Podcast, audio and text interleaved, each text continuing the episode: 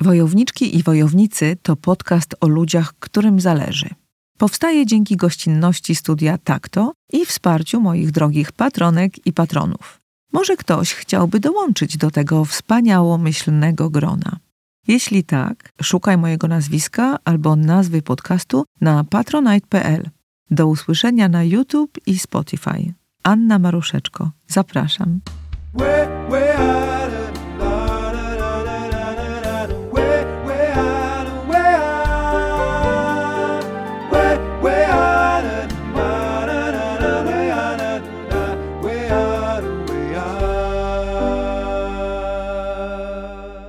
dzień jego urodzin napisała na Facebooku: Jakby tak doliczyć te dwa transcendentne w domyśle lata, to dzisiaj Franciszek miałby 96 lat.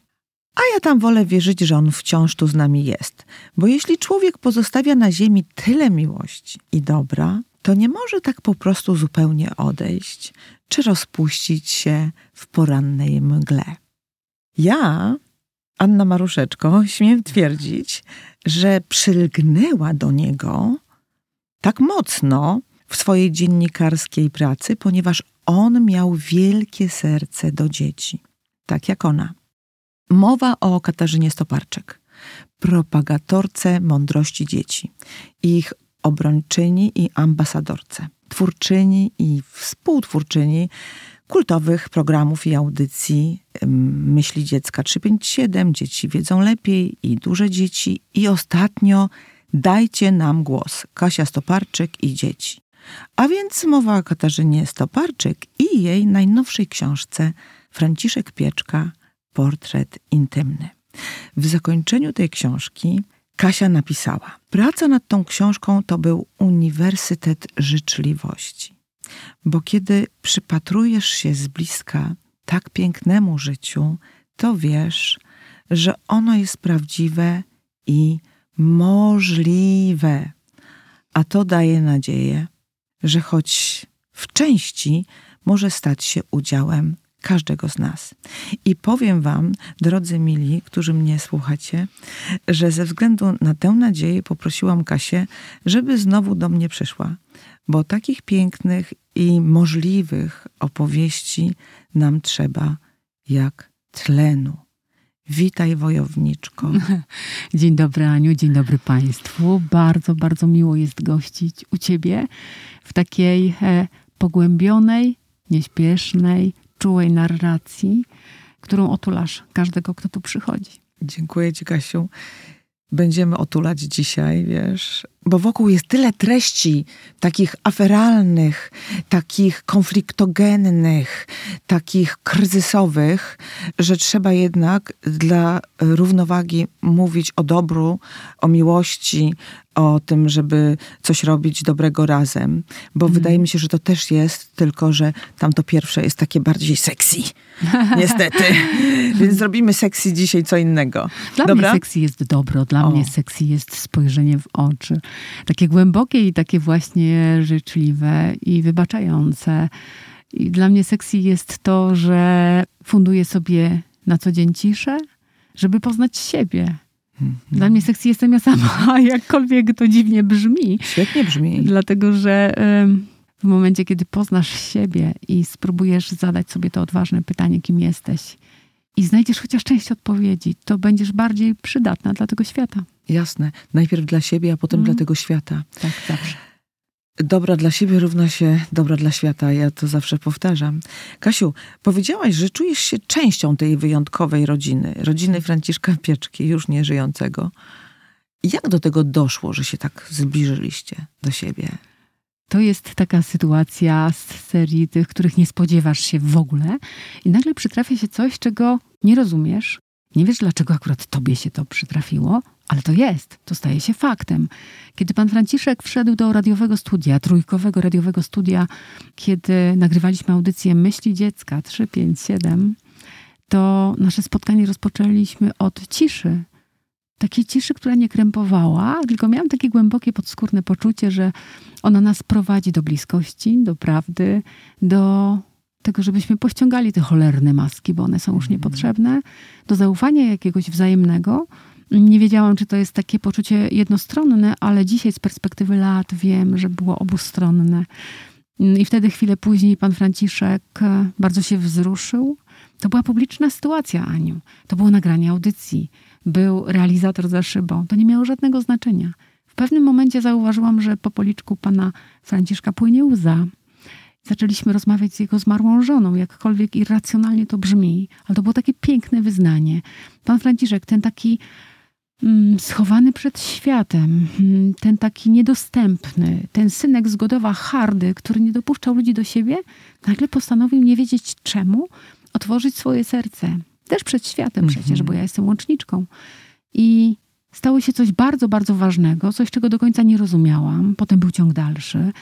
Potem była ta przejażdżka niezwykła, być może będzie czas, żeby o niej opowiedzieć. A potem była stuletnia drobnolistna lipa, w której mieszkały pszczoły w falenicy. Jego starsza przyjaciółka, jak się śmiał, to jest jedyna moja starsza przyjaciółka ode mnie. A potem był kraker, kot bez ogona, kot sportowy, wyścigowy, jak mówił pan Franciszek, bo jeżeli kot nie ma ogona, to szybciej biega. Logiczne, nie? Mhm. A właśnie kraker stracił ogon w bitwie podwórkowej, falenickiej, dzielni. No i kiedy poznajesz tę magnolię, która rozrasta się wściekle pod oknem jego sypialni i z tym również wiążą się anegdoty. I kiedy patrzysz w oczy jego dzieciom, wnukom, i w końcu dochodzi do takiej sytuacji dla mnie i ekstremalnej, i zupełnie niespodziewanej, że Piotr Pieczka, syn pana Franciszka, mówi: Kasia, usiądź w tym fotelu. Ja siadam. Po czym Piotr mówi: Jesteś jedyną osobą spoza rodziny, którą tu posadziłem. W jego fotelu. To jest fotel mojego taty, kultowy mm. fotel Franciszka. I żeby tego jeszcze było mało, Piotr przyniósł mi przepastne archiwa rodzinne. Położył mi na kolanach zdjęcia, zapiski i ja poczułam, że na kolanach mam całe życie Franciszka. I to było tak poruszające, takie mocne dla mnie, takie nie do końca zrozumiałe, dlaczego ja. Jakieś duże zaufanie, to na pewno musiało pojawić się w tej przestrzeni, że oni tak hermetyczni jednak dotychczas tak, postanowili wpuścić kogoś. Właśnie, bo oni żyli swoim życiem. Aktor, wielki aktor, jeden z tych najlepszych. Tak Daniel Olbrychski powiedział o Franciszku Pieczce a ty to zawarłaś w swojej książce, bo tobie wcześniej powiedział.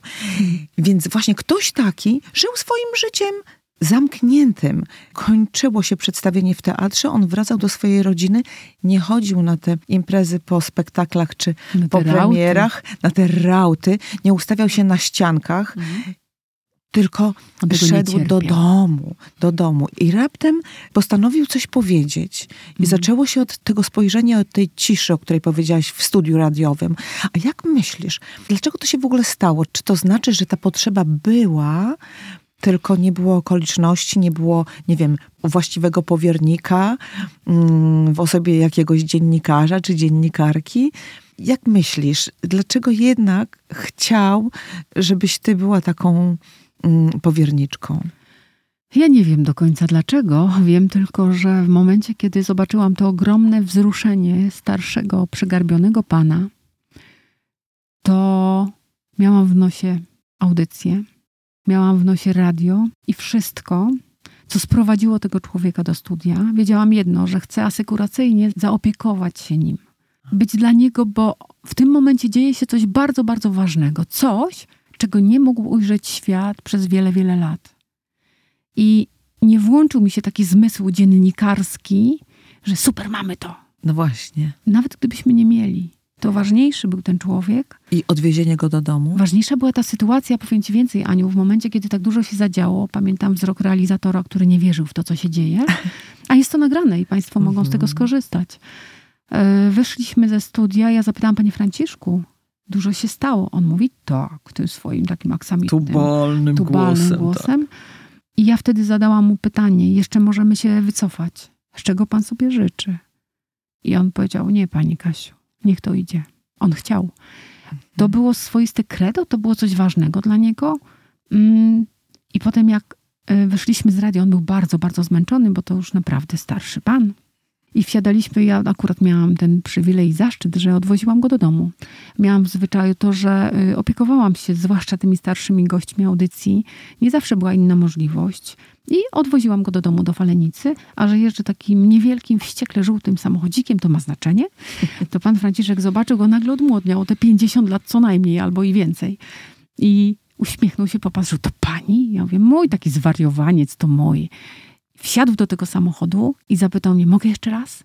Wysiadł, wsiadł, wysiadł, wsiadł. I to trwało dosyć długo. I ja zobaczyłam takiego chłopca w krótkich spodenkach. I ta cała podróż taka była. Taka trochę zwariowana, tak na luzie już totalnie, trochę taka szczeniacka. No i wtedy on się tak bardzo zachwycał, wiesz, tymi liśćmi, które tańczyły nad dachem samochodu, sunącego samochodu. Mówił o tym. Tak, wiesz, i, i, i wszystkim po drodze, co widział. I, I ja widziałam już potem w tych oczach takie, takie dziecko zachwycone mm. tym światem. To było piękne. No właśnie, zachował w sobie tę ciekawość dziecka i to go chyba trzymało w takiej y, super formie przez długie, długie lata. Nie tylko to. Wiesz, co on robił? No. On rano wstawał, skoro świt, zawsze o godzinie szóstej. Budzik dzwonił. Zawsze. Pilnował tego bardzo, bez względu na to, bez względu na to, o której godzinie położył się e, do łóżka i zasnął, to rano był już gotów. W każdym razie pędził do łazienki, tam robił gul, gul, gul, jakieś takie y, nawilżanie krtani, dbał o gardło, różne były bardzo dziwne odgłosy. Czyli o swoje te narzędzia aktorskie. Tak, i to była taka celebracja każdego dnia. Każdy poranek wyglądał tak samo. Potem wracał do tej swojej przestrzeni, ponieważ oni razem mieszkali w domu falenickim, na piętrze młodsza część rodziny, na parterze ten maleńki taki salonik finezyjny z art deco, meblami i sypialenka pana Franciszka. No i tam cały zestaw ćwiczeń szedł każdego -hmm. dnia. On bardzo ciężko pracował na tę swoją formę, którą zachował praktycznie do ostatniej chwili. Opisujesz też toaletkę, w której miał te swoje podstawowe narzędzia do dbania o swój wygląd, tak. bo był bardzo eleganckim mężczyzną. Bardzo. I też, e, wiesz, ta jego fryzura, która wydawała się taka nonszalancka, to ona była bardzo precyzyjnie układana przez panią z teatru, potem przez sąsiadkę Kamilkę. On, on był elegantem. Zdecydowanie mhm. tak. Miał osobny, osobną szczotkę do mm, marynarek osobną, no, no, no wiesz, no, do czyszczenia kołnierzyków. Do czyszczenia kołnierzyków. To, I też tak pięknie miał obite suknem te szufladki, to wszystko poukładane, bardzo precyzyjnie, tak po śląsku, porządnie. Tak, bo on chyba był wychowywany w takim kulcie czystości porządku. i porządku. Tak. tak. Porządek, e, lojalność, wiara, mhm. E, honor, ojczyzna, rodzina. To te I nawet wartości, pan prezydent no, prezydent w tym sensie, że mm, ktoś, kogo społeczeństwo wybrało. I my nie możemy, jak Franciszek mówił, pluć na osobę, która została wybrana gremialnie przez społeczność, bo jeśli będziemy pluli, to naplujemy sobie w twarz. Mm. Przewidział. Mm, no. Niestety. Wiesz, Aniu, ja rozmawiając z wieloma osobami o panu Franciszku, dowiedziałam się naprawdę dużo. Myślę, że być może także jeśli chodzi o przestrzeń publiczną, jego poglądy więcej niż e, rodzina. Dlatego, że mhm. kiedy rozmawiasz e, z takimi oddanymi przyjaciółmi, to on miał taką jedną osobę, której powierzał całe swoje życie, której radził się. I ja z tą osobą bardzo długo, kilkakrotnie rozmawiałam i nie ujawniłam wielu rzeczy, wiesz?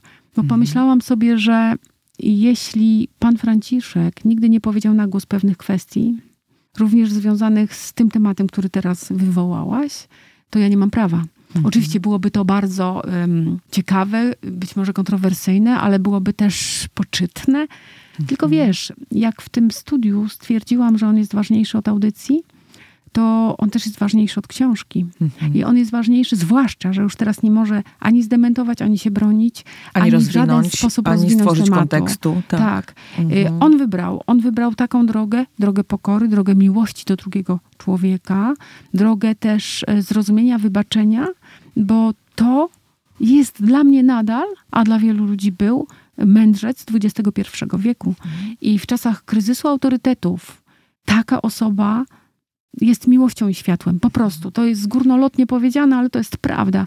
I mm, wiesz, ja pisałam inną książkę. Piszę nadal książkę z, młodymi ludźmi mm, po próbach samobójczych, ponieważ zajmuję się dziećmi, teraz już młodzieżą, e, też zawodowo, to znaczy ich sprawami, najważniejszymi sprawami tego świata. I na moment e, zrobiłam taką pauzę, żeby właśnie mm, zabrać się za tę książkę o panu Franciszku, którą razem mieliśmy napisać. Ale zbliżały razem się... z nim. Razem z nim. Nie z synem Piotrem. Nie, tylko razem, razem z, nim. Franciszkiem. Tak, Franciszek tak. odszedł, a zbliżały się nieuchronnie, wiesz, urodziny kolejne Franciszka, 18 stycznia, to cezura czasowa, tam dużo różnych presji, ale też takich zobowiązań. I pomyślałam, dobrze, panie Franciszku, to będziemy świętować razem z książką. Niemniej jednak teraz wracam właśnie do tych historii takich granicznych, bardzo trudnych. Młodych ludzi. Ale wydaje mi się, Aniu, że to można też ładnie łączyć, dlatego że Franciszek miał otwarte serce dla dzieci zawsze. Nieprawdopodobne. Mhm. Do swoich dzieci, a potem do wnuków. Bardzo. Bardzo. I słuchaj, dlatego was tak połączyłam. I słuchaj, to wszystko się łączy.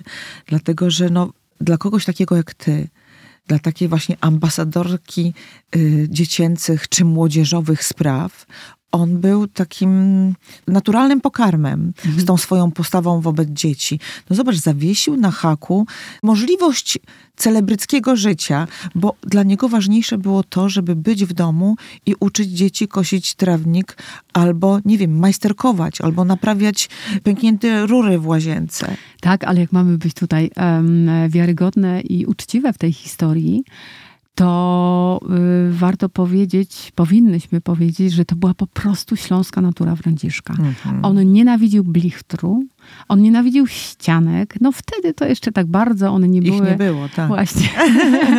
Ale potem już były i on właśnie Aha. powiedział mi kiedyś nawet, że jak to dobrze, że nie za moich czasów, bo ja bym tego nie zniósł.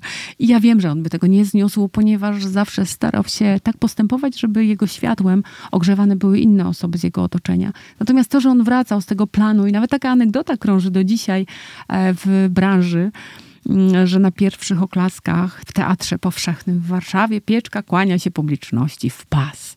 Na drugich oklaskach Pieczka pędzi do samochodu, a na trzecich siedzi już w swoim faleniskim fotelu w swoim domu, bo to była ta rodzina. Natomiast trzeba też uczciwie powiedzieć, że kiedy jego pierwsze dziecko, Ilona, była malutka, mieszkali państwo Pieczkowie w Nowej Hucie, to inaczej wyglądało. To Tak, Ilona mi opowiadała, że Tak. przecież e, serial Czterej Pancerni i Pies to były wymagające plany wielomiesięczne. Jego po prostu nie było. Tak. Potem po 16 latach rodzi się Piotr, syn. Człowiek jest zupełnie w innym miejscu i zupełnie w innym momencie. Natomiast to, co trzeba temu człowiekowi oddać, to jest wierność, to jest e, pokora, to jest e, hierarchia wartości, których nigdy nie zawiódł. Ani one jego, ani on ich. I to jest taka mm, właśnie wierność tej rodzinie poza wszystkim. To był piękny, młody mężczyzna, który miał światu stóp. Jego rozpoznawał każdy. On był i dobrze uposażony finansowo, i mógł eksploatować też te swoje e, wszystkie no, Walory. inaczej, no walory można tak powiedzieć, i pokazywać światu talent, a jednak do tej chemii zawsze wracał. Tak. Wracał do chemii, Świetne całował ją małżeństwo. po rączkach, a to była taka krewka kobieta, która tam, też taka śląska można powiedzieć, chociaż wychowana we Francji. Natomiast analogii tam było dużo, takich rodzinnych. Świetna kucharka też. Rewelacja. Ona przyjechała jako młodziutka dziewczynka do Polski z książką kucharską w kuchni francuskiej pod pachą. To, co ona tam wyczyniała. Ale wiesz co, Aniu, to, że świetnie gotowała, to jedna sprawa. Ale Co było to, ważniejsze? że ona do końca życia czekała, jak Franciszek wracał z Teatru Powszechnego i ona nie była sową, ona była skowronkiem. Była już bardzo zmęczona. Franciszek wraca, można było zegary nastawiać zgodnie z tym takim szczyknięciem furty do ich ogrodu, tak, do ich posesji. I ona czekała zawsze, już taka zmęczona, tak się trochę słaniała, bo to była jej pora spania, ale ona musiała go uściskać i musiała powiedzieć do niego Franeczku albo Franciku, bo tak się do niego zwracała. Tam w kuchni pod kloszem są trzy twoje ulubione kanapeczki. Jedna z serkiem brie, druga z rybką, którą lubisz, a trzecia, już nie pamiętam, ale tak jakby on nie znał tego tekstu. Tak. Ona codziennie musiała go zobaczyć, spojrzeć mu w oczy. Wiesz, i tak pomyślałam sobie, że to jest prawdziwa miłość, bo prawdziwa miłość objawia się poprzez y, działanie, poprzez czułe działanie. Tak, poprzez takie dbanie o siebie. To nikomu nie ujmuje, jeśli dba o drugiego człowieka, ale teraz jedna i druga strona, i damska, i żeńska, jest taka wyemancypowana, że uważa to czasem za, za nadmierne albo za ujmujące, że się tak Ale o my wchodzimy w jakieś role. Po co? Tak, po co właśnie? Po co? On do niej mówił kocie chyba. On do niej mówił kocie, bo w ogóle to była bardzo romantyczna historia. Chociaż nie wiem, czy romantyczna, to, to ocenisz, Aniu, państwo Aha. ocenią. Kiedy przebywali w akademiku jako bardzo młodzi ludzie, studenci zdaje się pierwszego roku studiów właśnie, to wywaliło korki w akademiku. I on, ta złota rączka, wybiegł z, z pokoju. No i oczywiście były te egipskie ciemności. I dostrzegł kątem oka, że jakaś dziewczyna tam coś kombinuje przy tych bezpiecznikach. No, dziewczyna e, w ustach trzymała papierosa, wytarła te ubrudzone już e, dłonie, y, wyciągnęła do Franciszka, powiedziała cześć Henia, Franio powiedział cześć Franio, no i tam dużo nie było widać, ale to, co zobaczył, zostało z, nich na, z nim na 50 parę lat. I to No było to właśnie. spojrzenie tej żony ukochanej, ale myślę, wiesz, że miłość miłością... Strzała, Amora, trafiła Ale nie tylko. w jedno i drugie. Ale tak? nie tylko. To też Mhm. była, wiesz, to też było przeznaczenie, myślę jednak. To też była e, jedność podobnie umocowanych korzeni rodzinnych, dlatego Wartości. że wartości, wiary, dlatego że dziadek Franciszka walczył w powstaniu.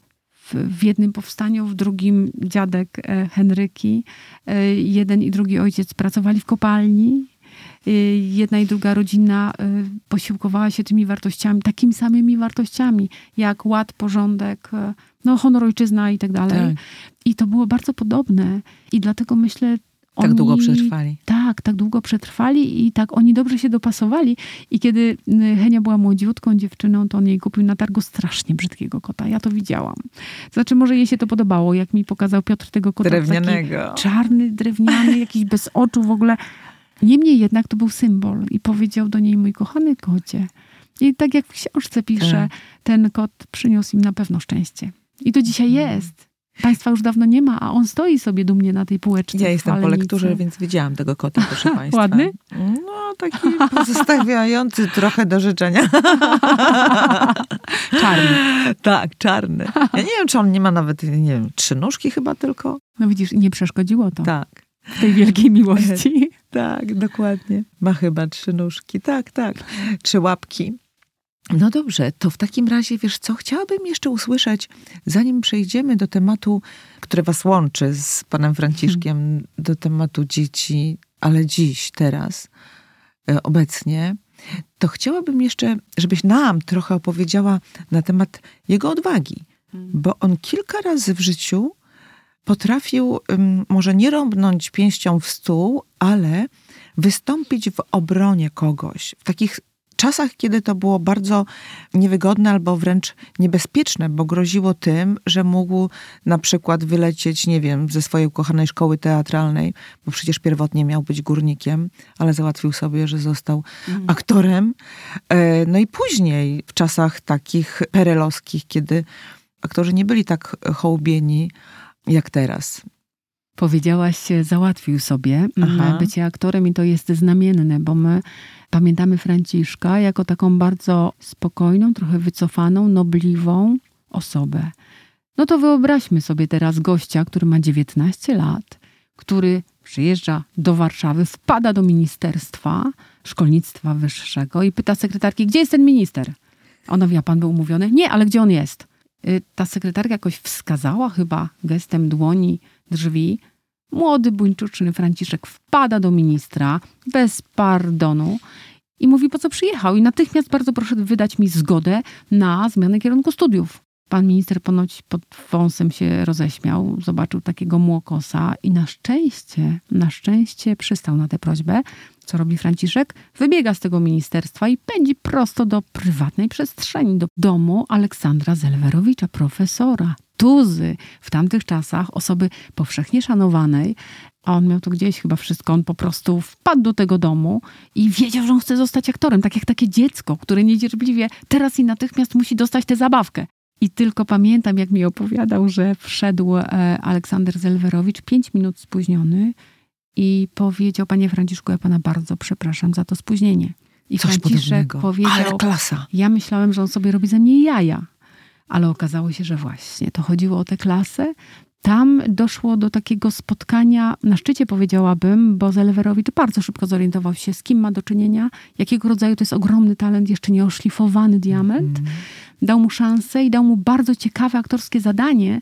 Z tego co pamiętam, Franciszek miał trzy razy w różnych kontekstach y, wymienić y, nazwy miast światowych, powiedzmy Tokio, nie wiem, Los Angeles i Nowy Jork na przykład.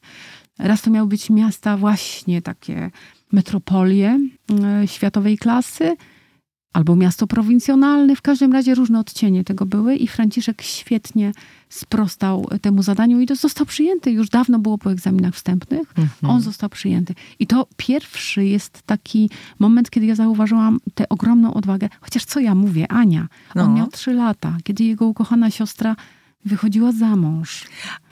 Pamiętam Siostra miała 18 lat, tak? tak? a on po prostu nie zważając na to, co się dzieje dookoła, rzucił się jej do stóp, objął tymi delikatnymi y, rączkami dziecka jej stopy i nie dał się od niej oderwać. Nie chciał jej puścić za mąż. Tam nie chciał jej puścić, bo to była jego siostra. Aha. I tam chłopi jacyś przybiegli i na siłę go odciągali. To też była odwaga.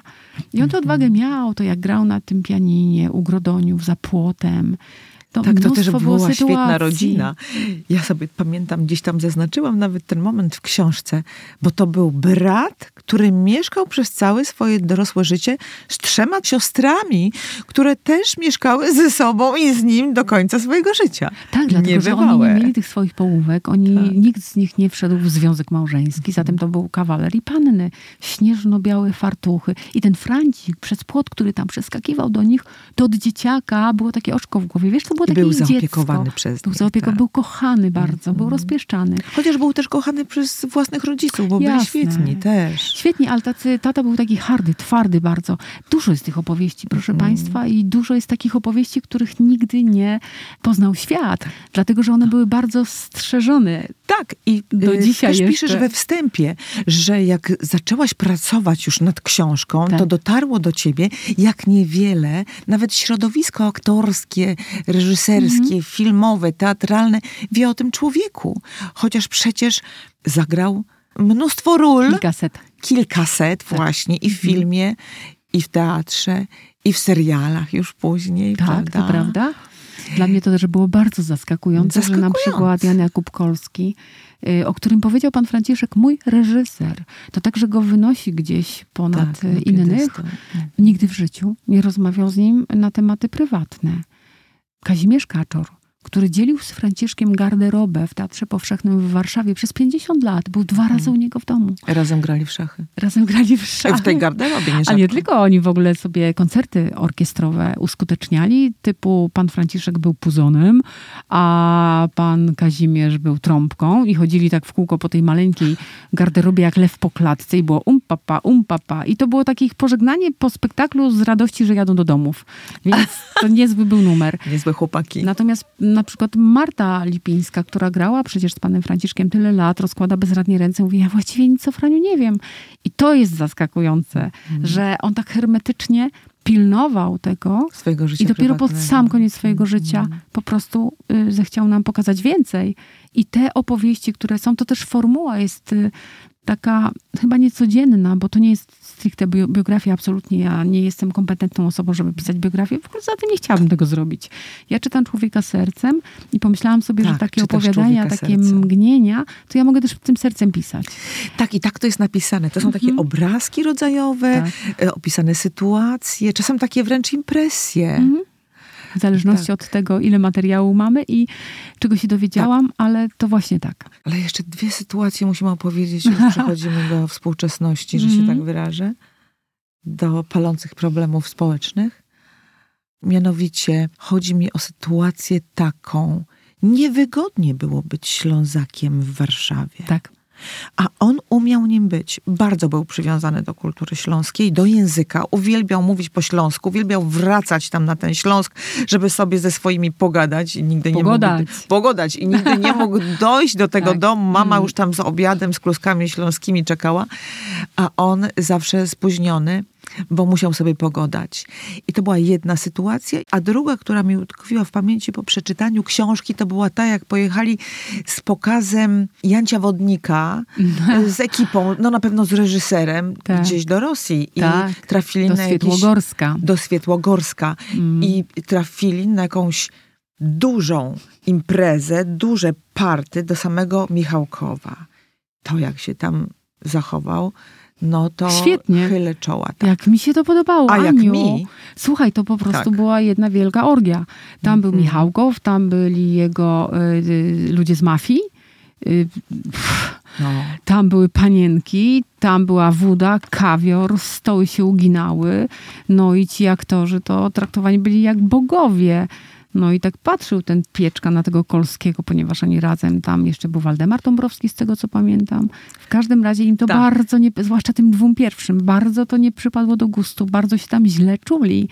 I pewnej nocy pieczka postanowił, no po prostu zapukał do drzwi hotelowych kolegi i powiedział spie, pi, pi, pi, pi. Drugi powiedział spie, pi, pi, pi. I wyjechali. I wsiedli tak do samochodu. chłopaki. Świetne. I zatrzymali się 8 godzin później pod domem w Falenicy Franciszka. Także to jest opowieść e, właśnie Jana Jakuba Kolskiego, który świetnie pisze, świetnie opowiada i ma taką miłość i taki ogromny sentyment do pana Franciszka. To na pewno. Mhm. To jeszcze o tej śląskości, która nie Mhm. była taka znowu e, no dobrze widziana, mm, taka wygodna. Nie zawsze w każdym razie. To było bardzo trudne, bo uświadomił mi to pan Józef Musioł, który również wywodzi się z tamtych stron. I on powiedział, jak pani się wydaje, czy ta gwara mu pomogła w czymś? To było tak trudne. On nie mówił takim językiem, jakim mówili młodzi aktorzy. On musiał się bardzo szybko, w bardzo krótkim czasie tego nauczyć. I pamiętam, mówi, musiał, jak e, pomyślałem, że ja chcę bardzo założyć stowarzyszenie e, miłośników Śląska w Warszawie, to chyba tak się nazywa. Mm, I pojechałam do Frankę, mówię, Franio, podpisz. Mm, Bo zbierał też takie, wiesz, podpisy, żeby można było takie stowarzyszenie założyć. I był zszokowany, że Franio tylko poklepał się po kieszeniach, znalazł długopis, Mhm. natychmiast podpisał, bo w tamtych czasach podpisywanie czegokolwiek było wielce ryzykowne. Ale właśnie pytałaś o odwagę, więc to również był Tak. akt odwagi. Pamiętam te słowa, jak Franciszek powiedział Musiołowi, jak ci się zdo, że nasza śląskość tu w Warszawie pomaga, to się grubo mylisz. Czyli on już musiał mieć bardzo nieprzyjemne sytuacje związane z tym, że jest trochę obcy, trochę z innej planety, Mhm. trochę z innego kosmosu. On się nigdy nie skarżył. My możemy tylko po takich e, strzępkach zdań zrozumieć, że on naprawdę musiał długą, trudną drogę przejść do tego, co potem stało się jego udziałem jako aktora chociażby. Mój Franciszek to ten, który wgryza się w brzozę w filmie Żywot Mateusza. Mówi o swojej ulubionej filmowej postaci Franciszka reżyser Jan Jakub Kolski. W tym portrecie widać pozorną sprzeczność, wielką siłę i agresję pomieszaną z nadwrażliwością, która jest ich źródłem. I nie bez powodów w Czterech Pancernych i Psie to on jest tym najsilniejszym. To w nim tkwiły skumulowane siła i nadwrażliwość, czyli kompletne pomieszanie substancji. Tak Jan Jakub Kolski. o tak. nim właśnie Jan Jakub Kolski. Fajna esencja tej postaci, prawda? Czyli siła, kawał chłopa wielkiego. Może nie zginął tych gwoździ, jak tam w serialu Czterej Pancerni i Pies. Ale jednak, no, był silny, a z drugiej strony, a z drugiej strony był bardzo wrażliwym człowiekiem. Ale wiesz, Aniu, ja podejrzewam, że Kolskiemu chodziło o coś jeszcze. Mhm. Że Kolskiemu chodziło o tę podskórną baterię siły i mocy, której człowiek używa w granicznych sytuacjach w Mhm. życiu. I muszę ci powiedzieć, że ja też tego doświadczyłam. Kiedy mm, pan Franciszek zaprosił mnie na południe Polski, kilka miesięcy później, już po wyjściu z tego studia, jakoś sobie zapamiętał i ja tam pojechałam razem z nim. Dzięki temu mogłam przeżyć też ileś dni z nim, z jego rodziną, z bliska zobaczyć e, ten fenomen też tej rodziny. To też odczuwałam wielokrotnie, że on ma tę siłę w spojrzeniu. Ona jest niewypowiedziana, ale ona jest. Mhm. Dlatego, że Można się przestraszyć. Można. My podprogowo takie rzeczy czujemy. I ja już wiem, y, po czasie wiedziałam, skąd bierze się mm, charyzma, to wiadomo, ale też taki respekt ludzi, którzy mają do czynienia z Franciszkiem. On nie musi uruchamiać tej siły, ale jest świadom jej i może i może w każdej chwili. W życiu prywatnym nie zrobił tego nigdy. Na potrzeby filmu zapewne niekiedy uchylił rąbka tajemnicy, ale on miał pod skórą taką potężną baterię po prostu nieprawdopodobniej psychicznej ludzkiej siły. W kilku miejscach w książce opisujesz sytuację, gdzie on no, y, zareagował może gwałtowniej, ale momentalnie przepraszał. Tak.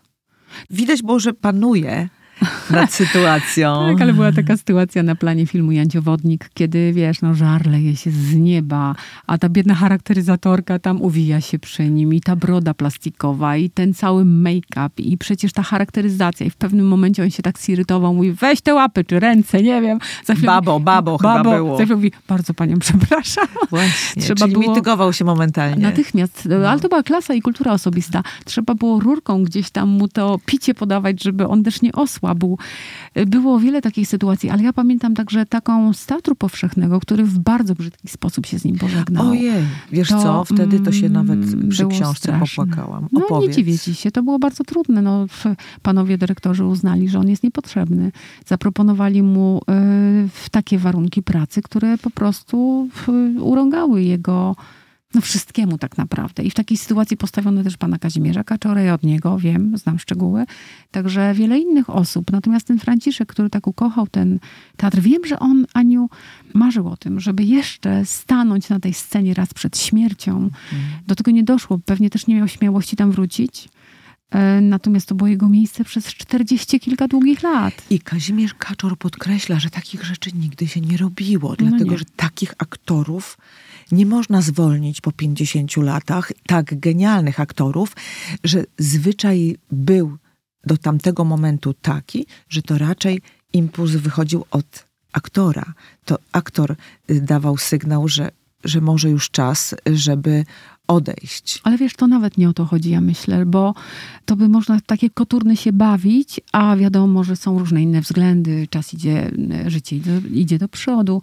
Natomiast e, jest taki immanentny szacunek do drugiego człowieka. Czy on jest Franciszkiem Pieczką, czy on jest Kazimierzem Kaczorem, czy on jest zaczynającym aktorem, po prostu do człowieka. Tutaj zostały przekroczone wszelkie granice. Ja nawet zastanawiałam się, czy w tym Teatrze Powszechnym nie zrobić tej premiery książki. Mm, Chodziło mi to po głowie, ale za każdym razem, kiedy chciałam tam zadzwonić, to myślałam sobie, Franciszku, chcesz czy nie chcesz? Tak trochę z nim jakiś gadałam, znak, wiesz. daj jakiś znak. I za każdym razem czułam taki opór przed tym i pomyślałam, nie, nie będę tego robiła. Wymyśliliśmy fenomenalne miejsce, takie modernistyczne, nowo otwarte, to jest kinogram w Norblinie, w samym sercu Warszawy i myślę, że takie nowe, nowiuteńkie miejsce do oldschoolowego Franciszka będzie bardzo pasowało. Jasne. 8 lutego. O, Bardzo gorąco zapraszam Ciebie, Aniu. Zapraszam Dziękuję. Państwa 8 lutego, tłusty czwartek, łatwo zapamiętać, ale pączki pączkami, drodzy Państwo, tam będą szalały wafelki Prince Polo z wiadomych względów. Będą szalały także fragmenty opowiadań z książki w bardzo niekonwencjonalnej formie. Mm, e, Myślę, że teraz więcej nie zdradzę, natomiast może powiem miejsce, jeśli pozwolisz. no jasne. To jest kinogram, to jest Norblin, e, samo serce Warszawy. Właśnie w tłusty czwartek o godzinie 18 Magda Mołek poprowadzi to spotkanie. Elegancko. Będą, e, będą osoby z rodziny, będą przyjaciele, być może przyjedzie orkiestra zgodowa, zapowiadali się, nie wiem, Wow. górnicza, może tak, może nie, jeszcze tego nie wiem. Tak czy siak e, będziemy z tym Franciszkiem, no będziemy z nim razem tam. Mhm. Mm. Prince Polo mogę powiedzieć. Pan Franciszek mógł, to ja chyba też mogę powiedzieć. Aniu, co? Ty na to? Jasne, jego ulubione Mhm. wafelki. Tak było w studiu, wiesz, radiowej trójki. Ja w pewnym momencie, nie wiem skąd się dowiedziałam, ale też lubię. Aha. I wyciągnęłam z torebki i nagle tak mu oczy rozbłysły. tym go ujęłaś też pewnie jeszcze Ale wiesz, dodatkowo. nie miałam takiego zamiaru. Ale to, co wydarzyło się później, y, To zresztą to opowiadanie jest ostatnim opowiadaniem w książce Franciszek Pieczka Portret Intymny.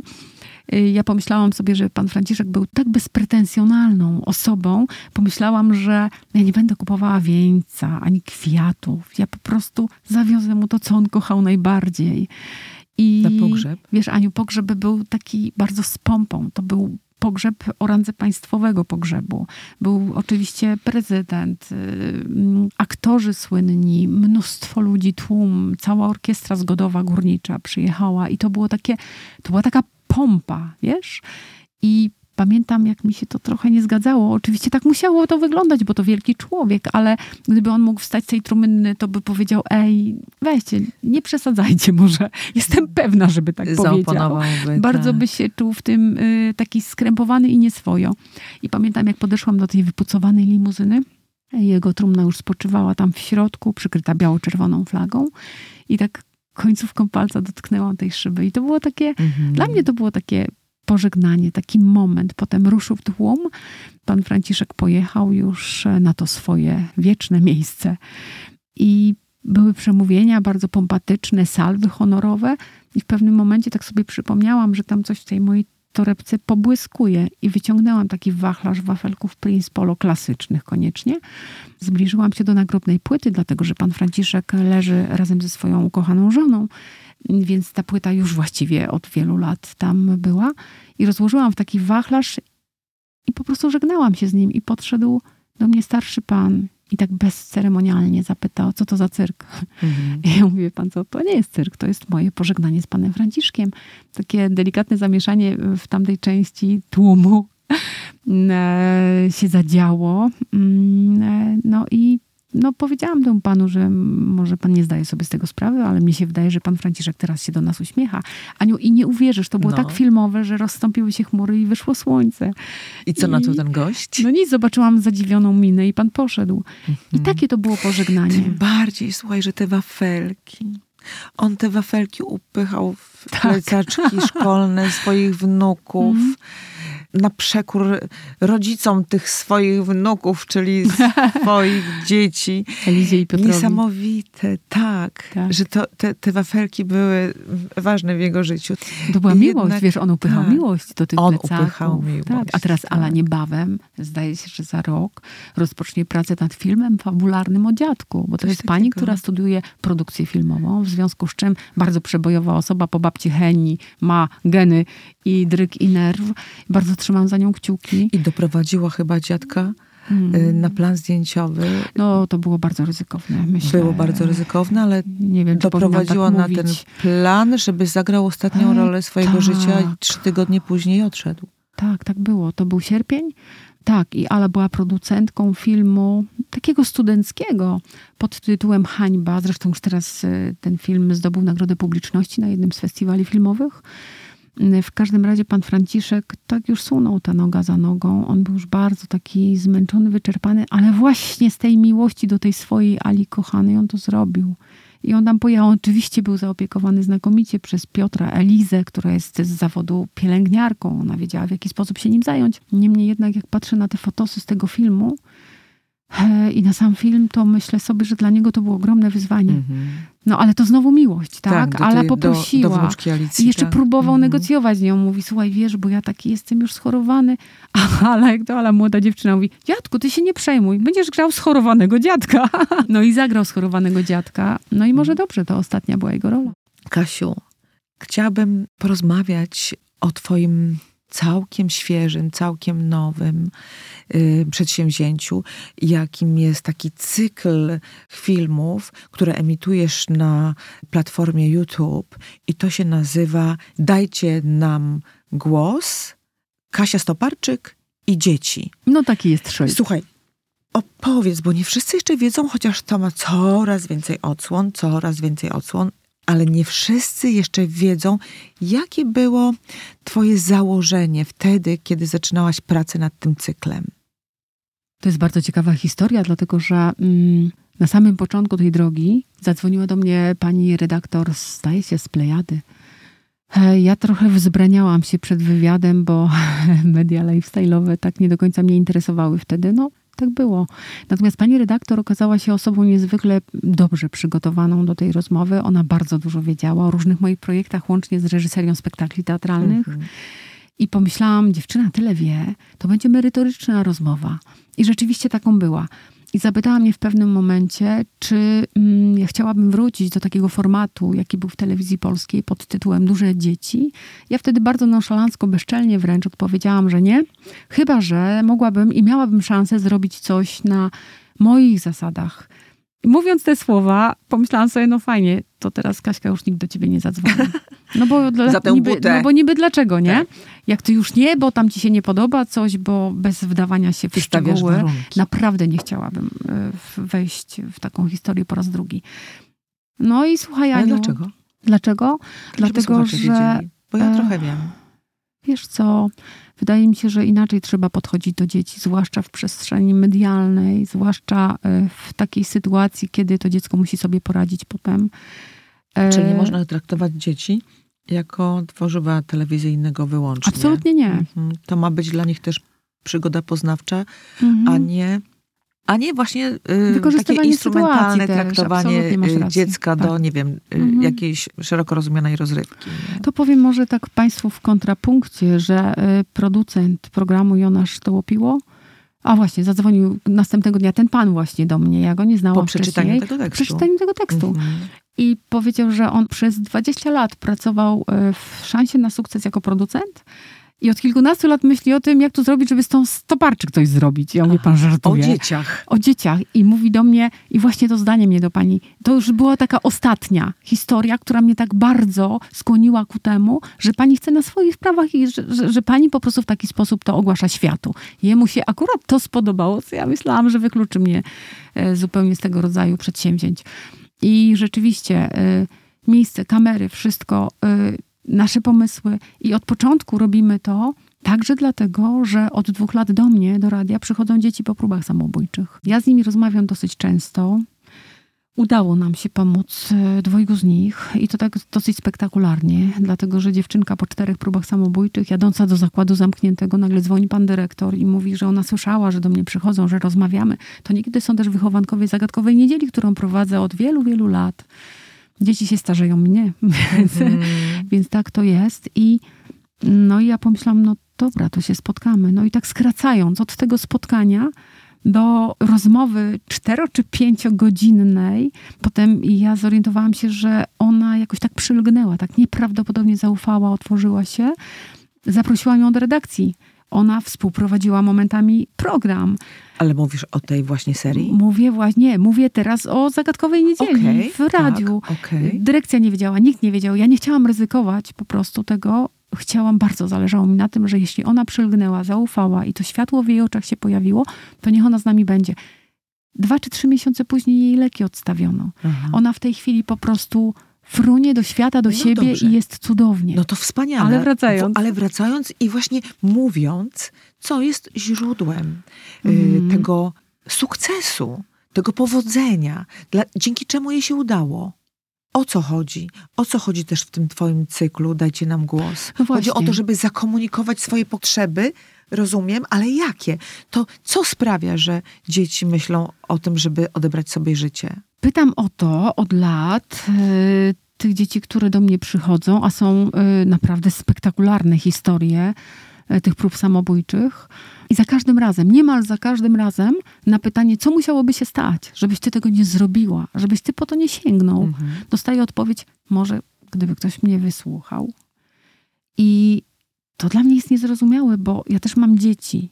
Dla mnie takim odruchem jest to, żeby spojrzeć w oczy i posłuchać. Ja nieraz nie rozumiem, co oni do mnie mówią, bo jestem tak zmęczona, bo mam głowę w dziesięciu projektach, ale tak było od małego. Okazuje się, że w domach tak nie jest często.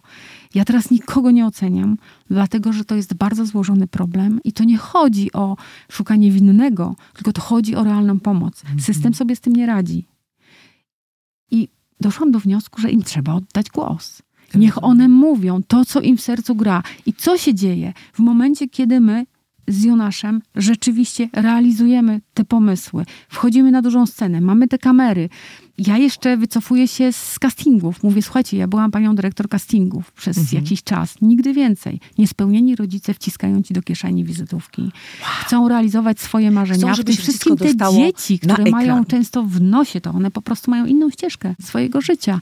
Wcale mówię, nie chcą występować. Oczywiście, ja mówię, to będzie trudne, ale ja będę jeździć po placówkach i będę szukać Czy takich dzieci, tak? tak, i tak robię, takich dzieci, dla których będzie to fan, będzie to y, spełnieniem jakiegoś marzenia, bo one mają do tego dryk. I tak się to dzieje, tak się odbywa. My nie przekazujemy nigdy nazwisk, bardzo chronimy. Mamy specjalną osobę teraz wynajętą do tego, żeby chronić też w mediach społecznościowych te dzieci, Mnóstwo było zapytań, czy robimy making-offy, czy pokażemy, no bo te dzieci wyrastają już na bardziej rozpoznawalne osoby. Tak. Natomiast tam jest, takie są zasieki, że nikt nie ma do nich dostępu i nie będzie miał. Nie będzie żadnych making-offów, jest psycholog na planie. I nie będzie żadnych y, wywiadów z dziećmi. Nie będzie, do, absolutnie. Do kolorowych nie, nie, pism, nie. czy kolorowych y, portali i platform. To zupełnie nie o to chodzi. Tak. To chodzi o to, żeby dorosły świat zobaczył, jakim fenomenem jest dziecko żeby potrafił uszanować to dziecko, oddać głos w przestrzeniach prywatnych także, bo jestem przekonana, że najlepszym, bezkosztowym lekarstwem jest najpierw spojrzenie w oczy, ale takie uważne, nie na zasadzie patrzymy zegarek, ta godzina pędzę, tu mam tysiąc spraw. Nie, to jest ta sekunda, to złota sekunda jest, patrzysz w oczy swojemu dziecku. Ono za każdym razem będzie wiedziało, że jest dla ciebie ważne. To je podniesie, a od takiej sytuacji już do jakiejś rozmowy, chociażby krótkiej, to już jest mały krok. Tak. I to, co powiedziałaś, czasem jest tak, że no sama mówisz, że jesteś zmęczona i czasem nawet nie jesteś w stanie wszystkiego usłyszeć, co te twoje dzieci do ciebie mówią, czy mówiły tak. kiedyś, ale przynajmniej dajesz pozór, że, że słuchasz, a przede wszystkim pokazujesz, że chcesz słuchać. I ważne jest też to, że my czasami możemy ich nie rozumieć, bo jednak to są młodzi ludzie, którzy odbierają na trochę innej częstotliwości, ale to nie znaczy, że mamy nie próbować. To nie znaczy, że nie mamy dawać im głosu. To znaczy, ja w ogóle uważam, że istota bycia autorytetem w oczach dziecka i bycie autorytetem nie polega na tym, że jesteśmy nieomylni. Rodzic, który nie potrafi powiedzieć swojemu dziecku przepraszam, bardzo dużo traci. Bardzo dużo ta relacja traci. Rodzic, który nie potrafi przyznać się do winy, ma problem sam ze sobą, bo boi się czegoś. A ta osoba, która jest autentyczna, prawdziwa, wystarczająco dobra, każdy popełnia błędy. Ja popełniam ogromne błędy, ale jednak staję naprzeciw tego mojego syna, jednego czy drugiego, mówię: Ej, przegięłam, sorry. I wtedy idziemy dalej, mamy szansę iść dalej. I to nie jest opowieść o mnie, ale przydarzyło mi się to jakiś czas temu, że mój syn Fryderyk przyszedł i powiedział: Wiesz, mamo, kilkunastolatek, ty jesteś jedyną osobą na tym świecie, która zawsze, zawsze, kiedy do ciebie przychodzę, a jest gadułą, to zawsze odkładasz wszystko i patrzysz mi w oczy. Mhm. I przypomniałam sobie taką sytuację, kiedy byłam zaproszona do Pałacu Prezydenckiego, rozmawiam z głową państwa i dzwoni do mnie dziecko. I ja przepraszam tego człowieka. I mm -hmm. mówię z całym mhm. szacunkiem, panie prezydencie, ale tu jest syn. I to było ryzykowne, ale zobaczyłam w oczach tego człowieka zrozumienie i wiem, że zawsze od tych dzieciaków odebrałabym, bo, no bo to jest to jest, to jest najważniejsze na świecie. To jest ustawianie priorytetów, tak jak Franciszek tak. ustawiał priorytety w swoim życiu. Tylko tak jak mówię, to nie jest opowieść o mnie, to może jest jakaś ścieżka, droga, ale tych A błędów po drodze... Pokazujesz, mm. że trzeba, że to jest ważne, bo też te dzieci, z którymi pracujesz, mówią o tym, tak. że im potrzeba uwagi rodziców, czy uwagi nauczycieli, czy w ogóle kogokolwiek.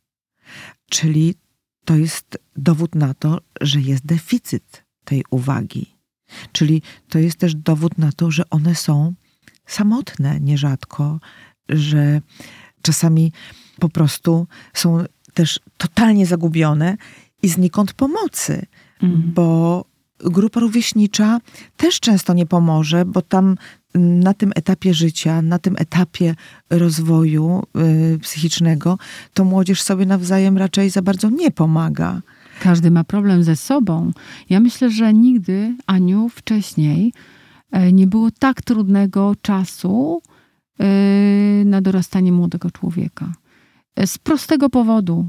Dzisiaj dziecko ze swoim niedojrzałym systemem nerwowym musi dźwigać na wątłych barkach dwa światy. Ten To realny, znaczy? Mhm. który jest trudnym światem, bo dzieci wychowują się w kryzysie rodziny i rozpad rodziny jest w tej chwili czymś normalnym. A z drugiej strony na swoich wątłych ramionach niosą świat wirtualny, gdzie bezpardonowo króluje hejt, gdzie każdy może napluć, gdzie każdy może pozbawić cię godności.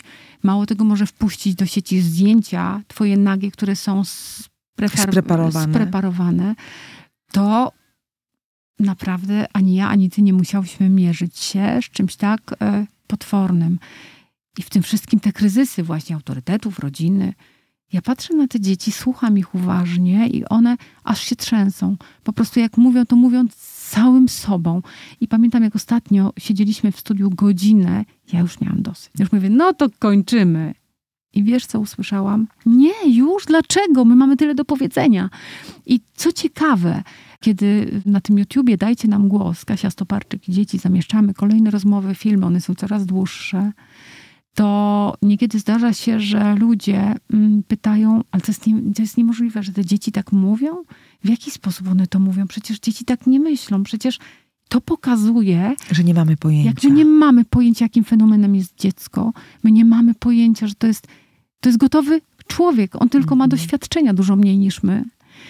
I ten szacunek, a raczej brak szacunku społecznego wobec najmłodszych jest wszechobecny niestety. Trochę bym, wiesz, teraz wzięła w obronę y, ludzi dorosłych, ponieważ czasem te dzieci robią wrażenie, jakby nie chciały jednak mówić. Ale skądinąd też wiadomo, że często jest tak, że mówią jedno, myślą czy czują drugie. Że manipulują. Y, że nawet nie tyle, że nie potrafią, Mm. że zaprzeczają same swoim uczuciom, ale tak naprawdę chcą, tylko być może no jakoś nie potrafią, Mm. więc to chyba jest rolą dorosłego, żeby umiejętnie nacisnąć, żeby pomóc mu się Nie, naci- wypowiedzieć. nie nacisnąć. Nacisnąć w tym sensie, że uruchomić. uruchomić stworzyć, tak. stworzyć sytuację, żeby jednak powiedziało. Ja niejednokrotnie słyszałam mamy czy mm, ojców, którzy mówią, no próbuje się czegoś dowiedzieć, a jednak on mi czy ona nic nie mówi. Więc ja widzę, że wiem, że, że to może być też tak, że ci dorośli nie za bardzo wiedzą, jak zacząć, chociaż widzą jakieś niepokojące sytuacje. Że nie ma tego porozumienia. Ja pamiętam ojca, który mi kiedyś powiedział coś takiego. Kiedyś była więź między mną a moim synem. Raptem czuję, że nie umiem już z nim rozmawiać. Hmm. Nie umiem rozmawiać ze swoim synem. Nastoletnim. Odpowiedziałaś sobie na pytanie. To nie Mhm. jest to, to nie jest to, że dziecko nie potrafi. Dziecko potrafi. Dziecko bardzo często jeszcze nie umie założyć maski. To jest y, sama prawda i autentyczność. One też potrafią manipulować, ale to jest tak niezgrabne, że od razu wiadomo Łatwo o co chodzi. Tak rozgryźć. samo z kłamstwem Mhm. dziecięcym i tak dalej, konfabulacją, to bardzo łatwo jest zmierzyć się z tym. Ale to, co powiedziałaś teraz, Aniu, że on nie potrafi. Mhm. Tak, to prawda. Dlatego, że y, będąc przy dziecku, my powinniśmy zachować czujność i budować zaufanie. A zaufanie będziemy budowali wtedy, kiedy oddamy to, co mamy najcenniejszego, swój czas. Mhm. Tylko, że my nie mamy tego czasu, Czas bo życie miłość. wymaga, tak, bo życie wymaga od nas po prostu tego dzikiego pędu. I wiesz, jak patrzę w oczy tym dzieciom, one się rzucają na szyję. Zazwyczaj jak po nagraniu one po prostu się rzucają na szyję. I dokładnie zachowują się w ten sposób, jak dzieci, y, które doświadczyły wojny. Niebawem miną dwa lata już. Nigdy nie przypuszczałam, że ta potworna wojna będzie tak długo trwała. Ja Ale też. kiedy tylko się rozpoczęła, to zauważyłam, że w przestrzeni publicznej nie ma rozmów z tymi dziećmi, które doświadczyły wojny. Ty my- rozmawiasz. A ja rozmawiam z Tak, nimi od dwóch jest- lat. Tak, tam jest wiele odcinków właśnie z, Z dziećmi, dziećmi wojny. Tak. Ale co się okazało, że one wychodząc Mhm. ze studia rosną w siłę. One nagle mogły wypowiedzieć coś ważnego. One są ważne dla świata. I głos Mhm. także. I te dzieci wychodzą z podniesioną głową i nawet takie starsze dziecko powiedziało mi, bardzo mocne zdanie, kilkunastolatek, że została mu przywrócona godność. Bo jeżeli to jest ryzykowne, bo to jest trudne, bo ktoś może cię posądzić, nie wiem, o różne rzeczy, że coś wykorzystujesz, nie wiem, bzdury takie. Natomiast jeżeli zrobisz to bardzo uważnie, z ogromnym szacunkiem do tego dziecka, nie ujawnisz jego personaliów, to ten głos ma być słyszalny w przestrzeni publicznej. I ten głos ma dotrzeć do Brukseli i do Moskwy mm -hmm. i mhm. wszędzie. I no, są ludzie, dzieci... którzy niosą ten głos tych dzieci dalej. Mm -hmm. Twoje dzieci apelują do, do władz, do polskiego Oczywiście. nowego rządu. Tak. Możesz powiedzieć, czego dotyczą te apele? Tak, to było dosyć zaskakujące. Ja zapytałam ich ostatnio, w styczniu, zapytałam e, je o to, mm, jak będzie wyglądał ten świat, którym wy za ileś lat będziecie rządziły, czego dzisiaj wam potrzeba do takiego spełnienia, do, do, do poczucia, że jesteście ważne. No i powiedziały mi na początek szkoła. Mhm. Proszę pani, czy pani wie, ile godzin my musimy w ich mniemaniu tracić na odrabianie lekcji, Aha. bo my mamy pasję, bo my chcemy jeszcze spróbować swoich sił w różnych przestrzeniach. One swoim językiem oczywiście w bardzo prosty sposób o tym mówią. I w pewnym momencie doszło do tego, że zaczęły nagrywać petycje do pani minister Barbary Nowackiej, minister edukacji. Pani Barbara już zna tę petycję. Odpisała mi natychmiast. To było bardzo miłe. No co ty? Mm, tak. Tak, tak. Mm. Myślę, że to jest bardzo świadoma i siebie, i tego, co dzieje się w szkole polskiej y, osoba. I dla mnie dalej to też jest ważne, że to jest głos dziecka, że te dzieci stają w tej prawdzie i mówią, i cieszą się, tylko pytają, która kamera. Tu mamy mówić, czy tu mamy mówić. I, i tylko pytają, gdzie, gdzie, która kamera. I bardzo są chętne i mówią. I właśnie na tym kanale naszym YouTube'owym, program telewizyjny, można powiedzieć, dajcie nam głos Kasia Stoparczyk i dzieci. Takie petycje są zamieszczone. I to jest piękne że mhm. one mogą mówić to, co czują, mogą mówić o swoich problemach i wiedzieć, że tak z niedowierzaniem pytają, czy te dorosłe osoby ich usłyszą. Ja zawsze mówię, że tak, bo, bo to są piękne wypowiedzi, bo mądry dorosły będzie chciał tego posłuchać. Mhm. Pamiętam taki odcinek, gdzie mm, dziewczynka mówiła o tym, że rodzice właśnie nie mają czasu, żeby, mm, żeby posłuchać, żeby porozmawiać. I też apelowała do rodziców, do dorosłych, żeby jednak znajdowali na to czas. Oczywiście, tylko my też e, bardzo dbamy o to, i ja bardzo dbam o to, żeby to nie była historia jednostkowa z domu dziewczynki, tylko raczej obserwacja tego, co dzieje się dookoła. Mhm. Bo ten program absolutnie nie ma na celu tego, co często w programach się wyciąga, bo to jest takie atrakcyjne, żeby pokazać gdzieś, co się u kogoś dzieje. To w ogóle nie o to chodzi. Chodzi o jakieś prawdy uniwersalne. Ale ona tak mówiła.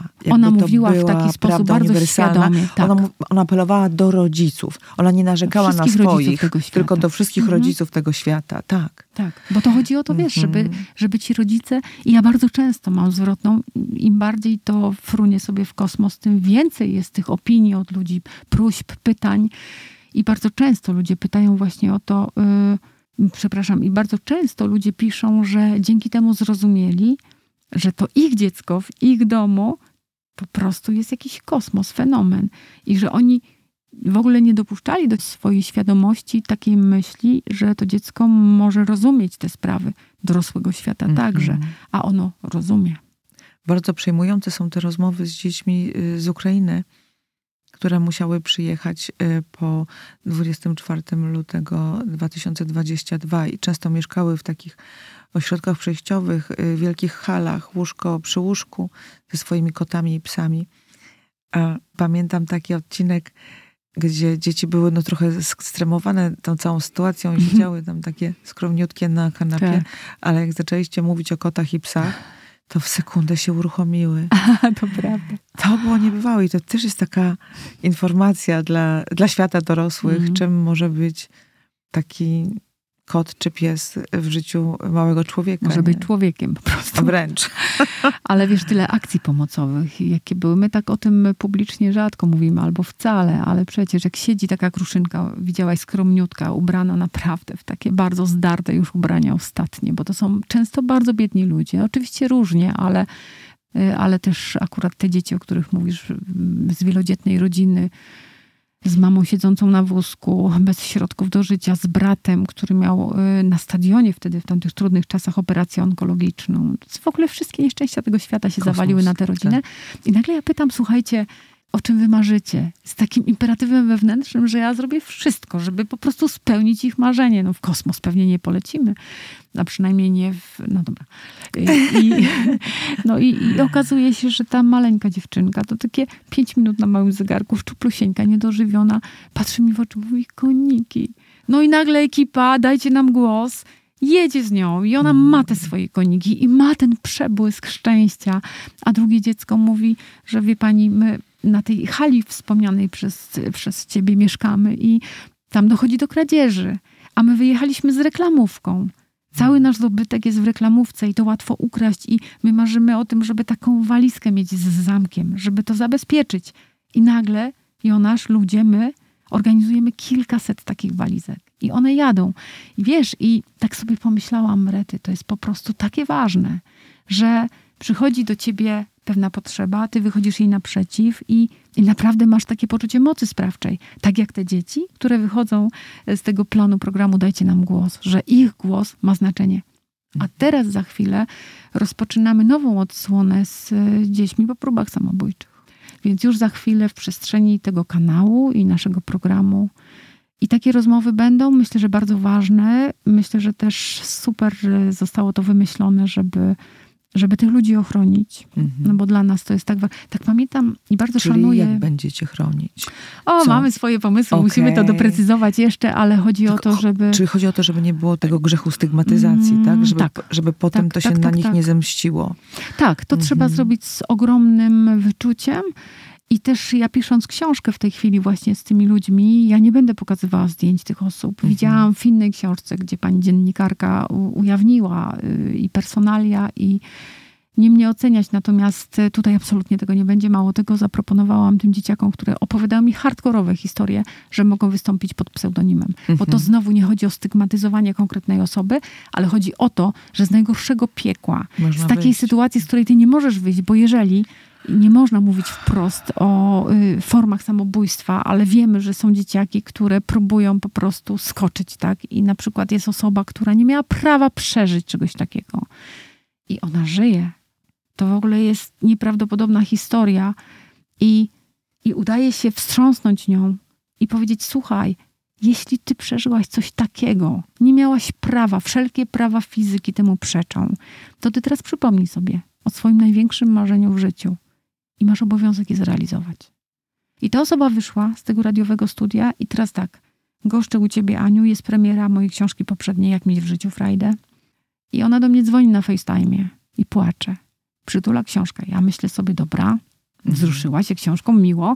W ogóle nie chodziło o książkę. Chodziło o to, że ona dostała się na studia ukochane w innym kraju, i rozpoczyna nowe życie i dźwignęła wszystko. Wiesz, i to są takie chwile właśnie, które personalnie pomagają, ale to jest w zaciszu, natomiast te treści mają być uniwersalne.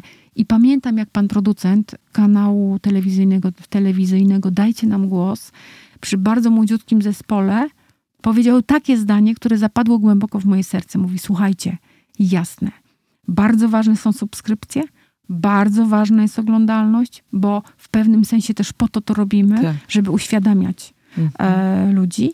Ale jeżeli w jakimkolwiek momencie to ma być ważniejsze od dobra dziecka, to my z Kasią się to wycofujemy. Stop. I powiem ci, że złapało mnie to mocno za gardło. Mhm. I już wiem, dlaczego on wtedy zadzwonił i dlaczego my razem pracujemy. I będziemy to robić, chociaż mm, nie jest to łatwe. Wiem. Wiem, bo to jest takie drenujące też z, z energii bardzo, dlatego że no, siłą rzeczy bardzo y, tym nasiąkasz, bo to są y, ludzkie dramaty. Chciałabym podkreślić to, że my mówimy teraz o hardkorowych sytuacjach, o bardzo trudnych, ale na kanale również są treści wysoko rozrywkowe. I, I też dużo jest uroku osobistego dzieci. I no, rozmawiam także z trzyletnim y, prezydentem. Usiadł gość trzyletni Franciszek i ja pytam, kim ty człowieku jesteś? A on mi odpowiada, prezydentem Polski.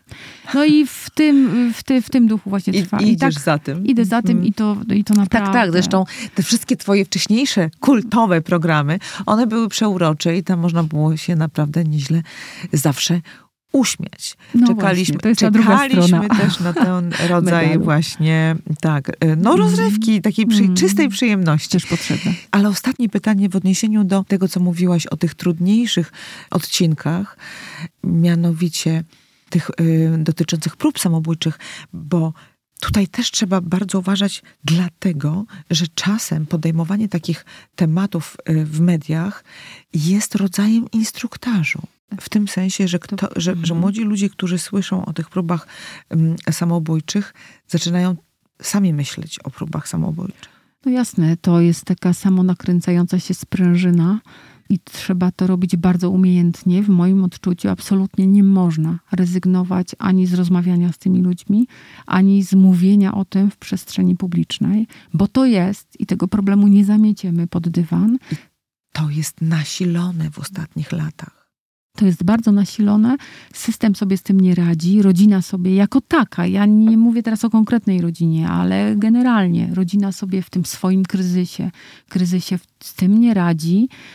Szukamy jakiegoś wyjścia z tej sytuacji i to, co ja odkryłam na przestrzeni ostatnich dwóch, prawie trzech już lat, to jest właśnie to jedno, żeby uszanować, posadzić naprzeciw siebie, spojrzeć w oczy i wysłuchać To naprawdę bardzo dużo.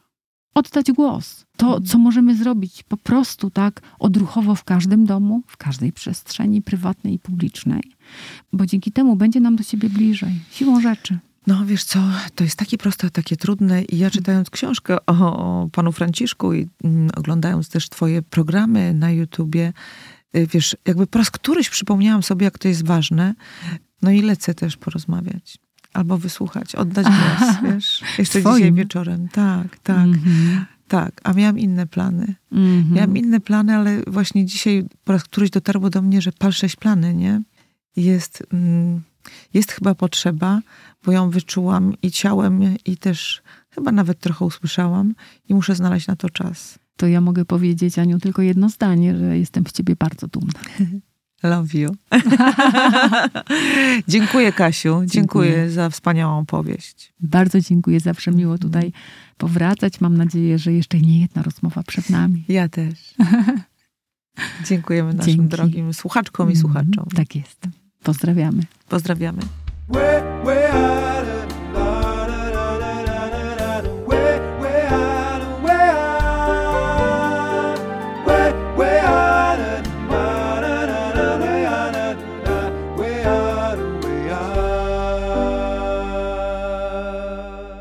Wojowniczki i wojownicy to podcast o ludziach, którym zależy. Powstaje dzięki gościnności studia Takto i wsparciu moich drogich patronek i patronów. Może ktoś chciałby dołączyć do tego wspaniałomyślnego grona. Jeśli tak, szukaj mojego nazwiska albo nazwy podcastu na patronite.pl. Do usłyszenia na YouTube i Spotify. Anna Maruszeczko. Zapraszam.